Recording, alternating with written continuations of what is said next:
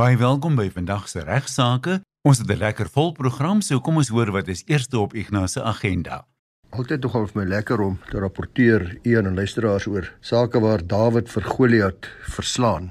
Dit was nou in middel Junie weer so 'n saak in ons hoogste hof in die land, die konstitusionele hof. Hierdie keer was die applikant 'n onbekende nie-regeringsorganisasie met die naam van New Nation Movement. Hulle bestaan blykbaar uit uh, sommige Christelike gemeenskapsleiers en ook 'n Khoisan belangegroep en hulle was verteenwoordig deur 'n koninklike persoon uit die tradisionele leierskors van die Khoisan met die naam van Chantel Don. Hulle het 'n aansoek gebring in die Hooggeregshof van Kaapstad wat hulle wou gehad het is dat die kieswet van Suid-Afrika moes verander om voorsiening te maak dat onafhanklike kandidaate kan staan. Nou, baie luisteraars sal onthou die stryd tussen die sappe en die natte elke skool en elke groepie en elke gemeenskap het 'n te bittere stryd en emosionele stryd gehad in elke dorp en elke stad en op die plakate op die palle was daar talle plakate met gesigte op van onafhanklike kandidaate wat in elke dorp gestaan het te mekaar. Uh, lekker tye gewees. Ek onthou die tye van die KP van Treurnig dink ek en Coron Eglen se PFP en ag en so kan ons aangaan. Nou ja, soos jy weet, word dit op die oomblik op 'n ander wyse van die verkiesing plaas en nou het die hof eerstens in die Kaapse hof hierdie aansoek van die hand gewys dit was regter Sirai Desai en uh, ek sien dat Willie Spies 'n kollega daar van Hurter Spies ingelyf in Pretoria haal onder andere in 'n beriggie in die beeld uh, wat hy gereeld inskryf praat hy oor NP van Wyk Lou wat 50 jaar gelede dood is en hy haal hom aan waar hy gesê het dat die partytetiek is nie 'n mooi ding nie. Van die teëgewe wat die demokrasie vir homself gemaak het, is dit een van die naaste. Demokratiese partye, sê NP van Wyk Lou, is vir 'n groot deel ondemokraties in hulle optrede teenoor hulle lede en teenoor die gemeenskap, want die lid van 'n party word deur sy party gevorm as wat hy self daaraan kan vorm. Sy vryheid van dink word aan bande gelê. Sy opinies word vir hom gemaak. Dit het ons al baie gesien wanneer daar gestem word in ons parlement dat maak nie saak wat die ANC lede of die DA lede individueel dink nie, hulle moet stem soos wat die party hulle voorsê. Nou hierdie saak is toegeneem nadat die Kaapse Hooggeregshof die aansoek van die hand gewys het, is dit na die eh, konstitusionele uh, hof toegeneem en die goeie nuus is dat uh, die konstitusionele hof het beslis hier in middel Junie dat die kieswet ongrondwetlik is omdat dit geen voorsiening maak vir onafhanklike kandidaate in nasionale en provinsiale verkiesings nie.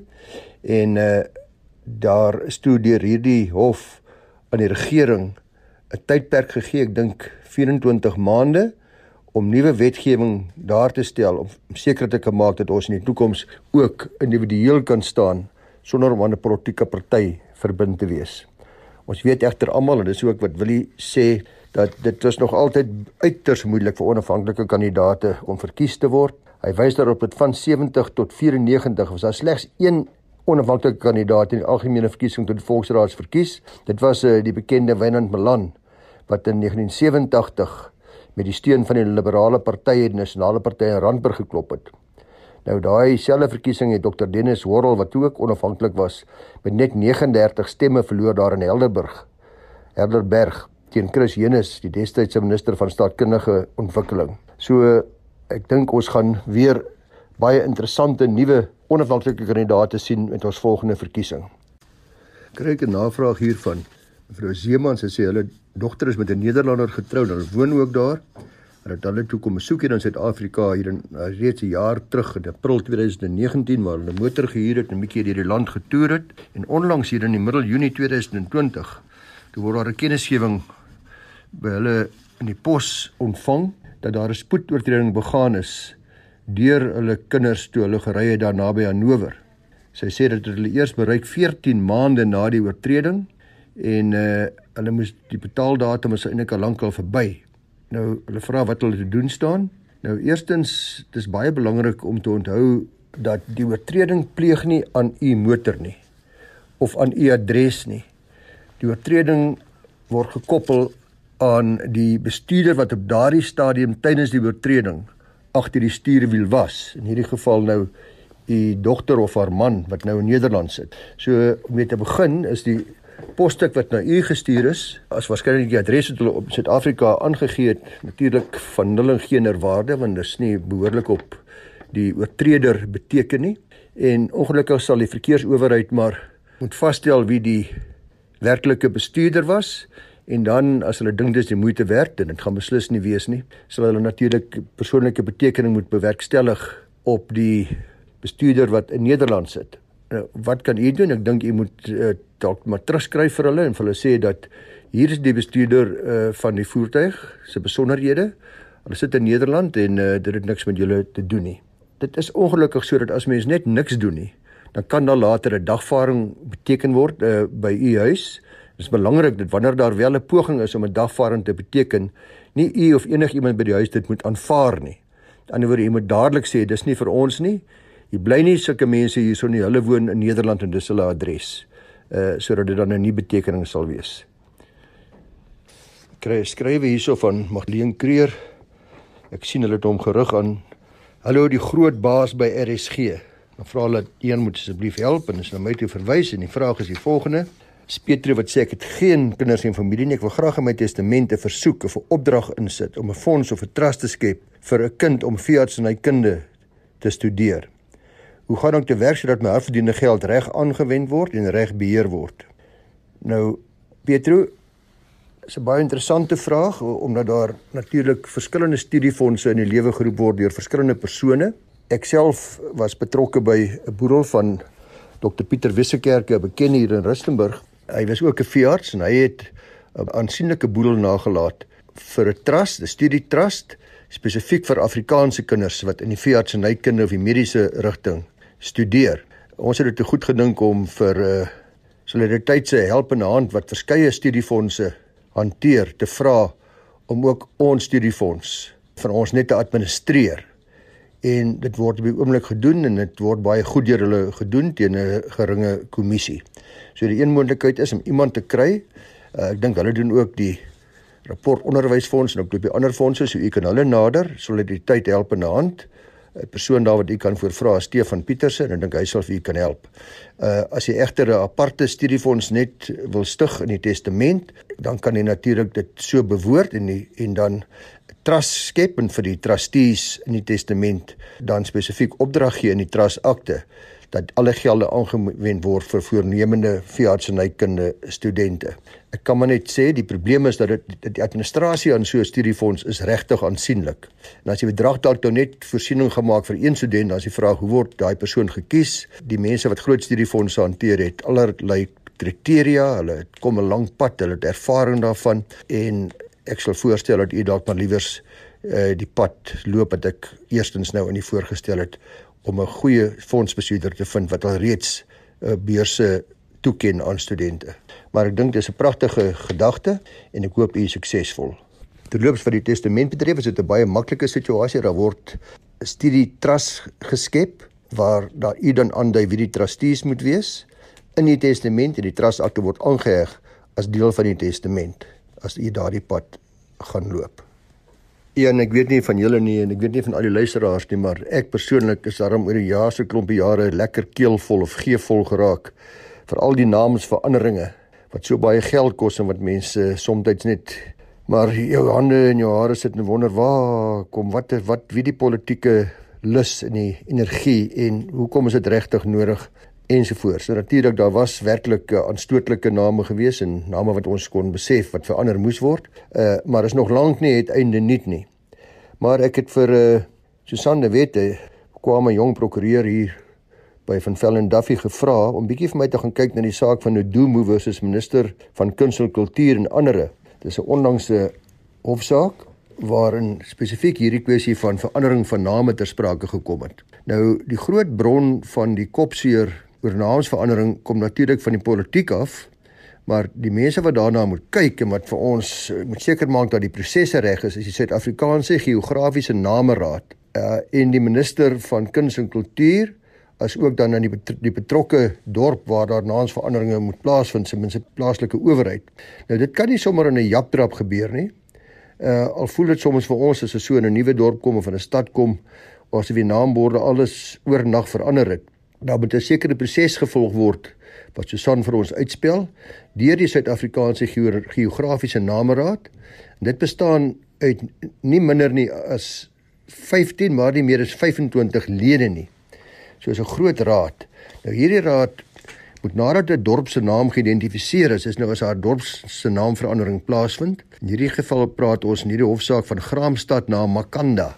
Graamsstad se naam wou hulle verander na Makanda toe. En dan moet daar eh, moet die raad kommunikeer met verskeie staatsdepartemente en die publiek deur middel van 'n kennisgewing in die staatskoerant. Daarna moet daar openbare vergaderings gehou word om die kwessies te bespreek. Daar moet behoorlike deelname wees deur die publiek. En daarna moet die raad konsulteer met die minister oor die naamsverandering. Want dit ook 'n beduidelike beleid formuleer en prosedures in plek stel om seker te maak daar was behoorlike deelneming. Nou onthou nou, enige persoon mag binne 1 maand vanaf datum van publikasie in die staatskoerant 'n klagte indien of beswaar maak indien hy of sy nie gelukkig is met die voorgestelde naamsverandering nie. Nou die saak wat ons van praat, is haar aansoek gebring om 'n besluit van die minister om naamsverandering van Graamsstad na Makanda goed te keer tersyde te stel. En hierdie proses luisteraars, ja, dis waar. Luister maar mooi, het gestrek vanaf 2007 tot en met Junie 2018 So wat ek gou uitwerk 11 jaar lank deur die naam uiteindelik goedgekeur is deur die minister. Maar die uh, aansoekers hierso het was nie tevrede daarmee nie en hulle vra die hof om hierdie besluit van die minister te syde te stel en vraag wat die hof moes beantwoord was of daar genoegsame beraadslaging was met die gemeenskap en belanghebbendes en meer spesifiek of die raad die minister in kennis gestel het dat 'n behoorlike konsultasie plaasgevind het. Nou uiteindelik is die aansoek toe van die hand gewys omdat die konsultasieproses wel volgens die hof plaasgevind het en sê die hof dat die gronde vir die hersiening van hierdie aansoek sonder meriete was. So in hierdie geval is die naamsverandering se prosesse wel behoorlik deurgevoer volgens die hof. Susan sê dat die applikant uh, was dalk ook ongelukkig omdat uh, hy self 'n naam voorgestel het, naamlik Irene en dit verwerp is en dis waarom hy waarskynlik uh, hierdie aansoek gebring het. Dit is nou meneer Nodumu wat uh, die naamsverandering teëgestaan het onsuksesvol.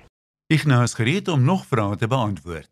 Ek ontvang 'n skrywe vanaf meneer Rocco Nel. Sy sê ek is sedert my aftrede jare gelede 'n verslaafde aan die opium van regsaake. Dis met groot afwagting dat ek elke week uitsien na my weeklikse regmaker, my fix. Dan sê ek ook aan die einde dankie aan u Ian en die prokureursorde wat die interessante program moontlik maak. Nou baie dankie meneer Nel vir die mooi woorde. Ek kan maar net sê dat die prokureursorde van Suid-Afrika namens wie ek die program aan deelneem, probeer deur middel van hierdie program om die reg vir ons almal meer toeganklik te maak en en ek hoop dat ons dit reg kry om dit op so 'n manier aan te bied dat dit vir een en almal van ons iets beteken en en lekker verstaanbaar is en in lekker goeie Afrikaans oorgedra word. Uh, en dis baie welkom om te kritiseer as dit nie gebeur nie.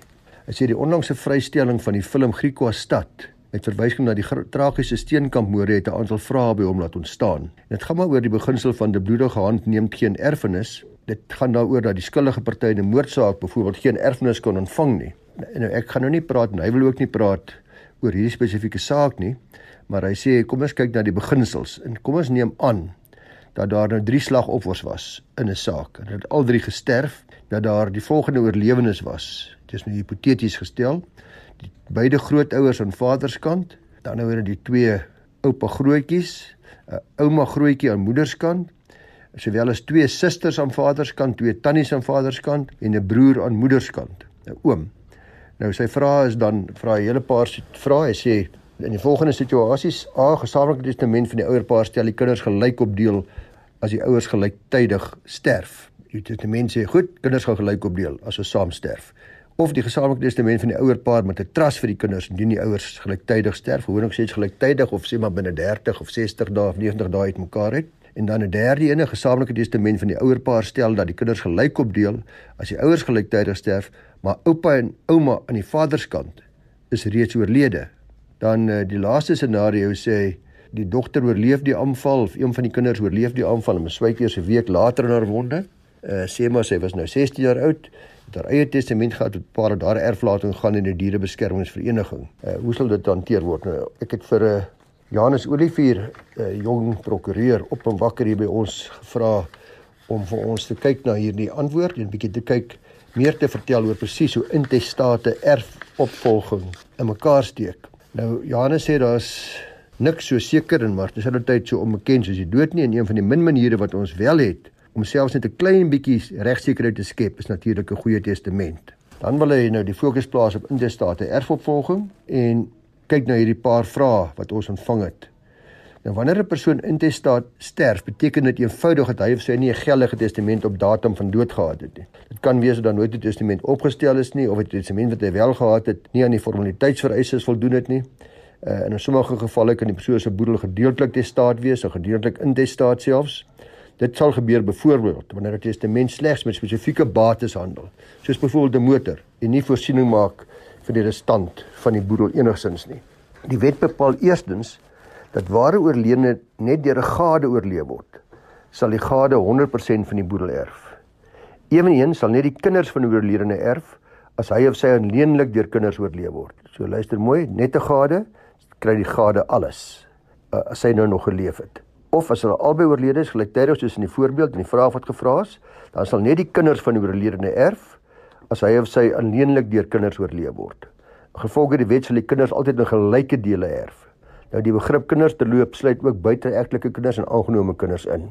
As die oorledene deur kinders sowel as 'n gade oorleef word, dan sal die gade die grootste bedrag ontvang tussen 'n kindsdeel of 250 000 rand. In ander woorde, as elke kind byvoorbeeld nou uh, 500 000 rand sou ontvang, dan sal sy ook 500 000 rand kry, maar as elke kind minder as dit sou ontvang, dan is die maksimum 250 000 rand. Om die kindsdeel te bereken, moet die boedel verdeel word in die hoeveelheid erfgename wat daar is en ek het nou reeds verduidelik hoe dit dan gaan werk.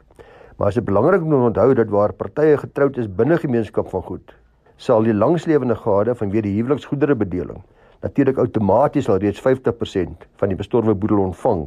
Uh daarby is die langslewende gade dan ook geregtig op die grootste deel tussen 'n kindsdeel of 250 000 rand van die oorblywende 50% van die oorledene se boedel. Nou erfgename vergeet dikwels van hierdie effek van die huwelik binne gemeenskap vir goed wanneer hulle self hulle erfporsies bereken. In 'n ander woorde, ek sê die kinders gaan dit kry en daai ene gaan dit kry, maar vergeet my vrou eers die helfte kry waaroor ek nie kan beskik as ons getroud is binne gemeenskap van goedere nie. Vir my man dan. In die gevalle waar oorledene geen kinders of 'n gade nalat nie, daar sal die boedel in gelyke dele tussen die oorledene se ouers vererf. Indien een van die ouers vooroorlede is, sal 50% aan die lewende ouer en 50% aan die afstammelinge van die vooroorlede ouer gaan. Dis nog een van die vrae wat gevra is. Indien die vooroorlede ouer, die oupa of ouma dan egter geen afstamming het nie, sal die oorlewende ouer 100% van hierdie boedel ontvang. Indien beide ouers vooroorlede is, dis ook een van die scenario's wat geskep is, sal die boedel 50-50 verdeel word tussen die ouers en daarna aan hulle afstammelinge in gelyke dele. Dis net 'n uitsonderlike geval is Janus waar selfs nie eens die vooroorlede ouers afstammelinge het nie en waar die ander bloedverwante van die oorledene wie die naaste aan hom verwant is sal erf. Nou een van die voordele luisteraars aan die verleiding van 'n testament is dus dat jy die bepalinge van die wet op intestate erfvervolging kan uitsluit. Dit kan vermy deur self te besluit wie gaan erf in watter verhouding. Jy kan byvoorbeeld ook trusts of maatskappye as erfgename aanstel soos ons al dikwels uh, op hierdie program gesê het uh, in jou testament. En daai testament gee jou dan ook die moontlikheid om self jou eksekuteur te nomineer en voorsiening te maak vir 'n insolventie trust, 'n kindertrust ensovoorts. En uh, ek en ook Johannes bevestig maar net weer dat ek nie regtig probeer om luisteraars te oortuig om onnodige kostes aan te gaan nie, maar die voordele daaraan verbonde is ooglopend en beskryf by verre weg die bietjie koste wat aangegaan word om behoorlike boedelbeplanning te doen. Luisteraars, soos jy weet het ek vir baie jare lank as familiereg prokureur gepraktiseer en ek kan met groot vrymoedigheid en sonder twyfel sê dat julle nie die helfte van die stories wat ek julle kan vertel sal glo nie. Dit was ook van mense wat mense die minste van verwag. Uh ons nie weet wat ander agter ander mense se toedeure aangaan nie en uh, binne die vier mure van sommige paartjies huwelike nie en die onlangse uitspraak van HM versus LM is nog so geval in die pers is daar genoeg inligting gegee. En dink ek om hulle eintlik te identifiseer maar ek gaan dit uh, vir hulle spaar. En maar net so die beginsels wat hier ter sake was en 'n paar van die dinge wat hier gebeur het uh, vir die uitlig ek het vir uh, Nicola Lemeiter 'n uh, skerp jong prokureur hier by Van Velden Duffy gevra om bietjie vir my die saak te gaan lees en vir my die feite te gee. En sy sê hierdie uitspraak vertel die verhaal. Sy sê ek sê verhaal want dit lees omtrent so van 'n paartjie wat hulle woning op 'n plaas in die Noord-Kaap verlaat het om na hulle vakansiehuis toe te trek. Die man het later 'n nuwe woning, hulle nuwe nuwe woning by die vakansieplek verlaat en teruggetrek waar hy vandaan kom en sy vrou twee eskeringe gemaak. En dis ook waar al die huismoleste en die streke en die dinge lyk like my begin het. Daar volg 'n reeks triks waar die eggenoot alles in sy vermoë gedoen het om te verseker dat sy vrou nie toegang tot hulle vakansiewoning by die see, 'n nuwe woning daar verkry nie. Onder andere het hy sekuriteitspersoneel uitgestuur volgens die feite in die hofsaak na die eiendom wat na bewering sy vrou getuister het. Het ook probeer om die eiendom uit te verhuur terwyl sy vrou daar gebly het en aan bewering ook gedreig om hawelose mense daar in die huis laat intrek. En volgens haar getuienis kon sy omtrent nie haar rug draai om na haar siek ma iewers in 'n ander dorp te gaan omsien voordat haar eggenoot sonder enige waarskuwing aan haar met 'n nuwe liefde in sy lewe weer by die huis ingetrek het nie. So toe sy uitgaan toe hy weer in. Nou uh die vrou het bewus geword van dinge wat daar na haar besigheid gebeur. Ek kan maar praat van 'n gevryery en dit as gevolg van die geslote kring televisie wat in die woning aangebring was. Sy het 'n man gewaarsku uh, oor haar voorneme om weer terug te keer na die eiendom en versoek dat hy en sy meisie asseblief die plek moet verlaat want sy is geregtig om daar te woon. Nou hierdie situasie het uh, erg begin hande uitdruk toe sy by die eiendom aangekom het en begroet is met sekuriteitskodes wat gewysig is en ook haar man se vriendin die geklee was in haar eie klere van 'n persoonlike aard. Dit was blykbaar haar nagrokkie en sy is ook toe in daardie stadium toe sy nou daar betrap met haar eie nagrokkie aan. Die woorde wat daar toegesnou is was: "Vat jou tandeborsel in jou onderklere en verlaat die eiendom." Eindelik is dit die presiese woorde was: "Take your toothbrush and your panty and f off." Nou uh die man se optrede het uiteindelik haar bewoning van die eiendom onuithoudbaar gemaak volgens haar en sy het 'n dringende aansoek gebring in die hof vir 'n interim verligting en daar is toe ook hierdie interim verdigting aan die vrou toegestaan en die man is verbied om die eiendom te betree, uh, te vervreem of te beswaar op enige manier hangende die uitkoms van die egskeidings wat nou nog aan die gang is. So hierdie tussentydse aansoek het geslaag, maar die egskeiding uh, is nog nie afgehandel nie wel nie by stadium wat ek nou hierdie uh, opname doen nie. Die Kaapstadse Hooggeregshof is later genader ook om hierdie tussentydse verligting te bevestig en uh, dis waar dan nou 'n klomp lig gewerp is op al hierdie dinge wat daar plaasgevind het. Sy vrou het vasgestaan dat sy nie verplig kan word om haar eie fondse aan te wend om alternatiewe akkommodasie te bekom uh, waar dit uitsluitlik haar man se optrede is wat die omstandighede so onuithoudbaar gemaak het nie. Uh, daar is ook baie klem geplaas in die Kaapstad se Hooggeregshof die feit dat hierdie man ander eiendomme het wat hy met gemak kon bewoon en dat hy ook maklik weer kan terugtrek na die plaas in die Noord-Kaap. Hy op sy beurt het weer geargumenteer dat geen optrede aan sy kant dit vir sy vrou onmoontlik maak om saam met hom te bly nie. Daar's geen rede hoekom hulle kan saam bly nie.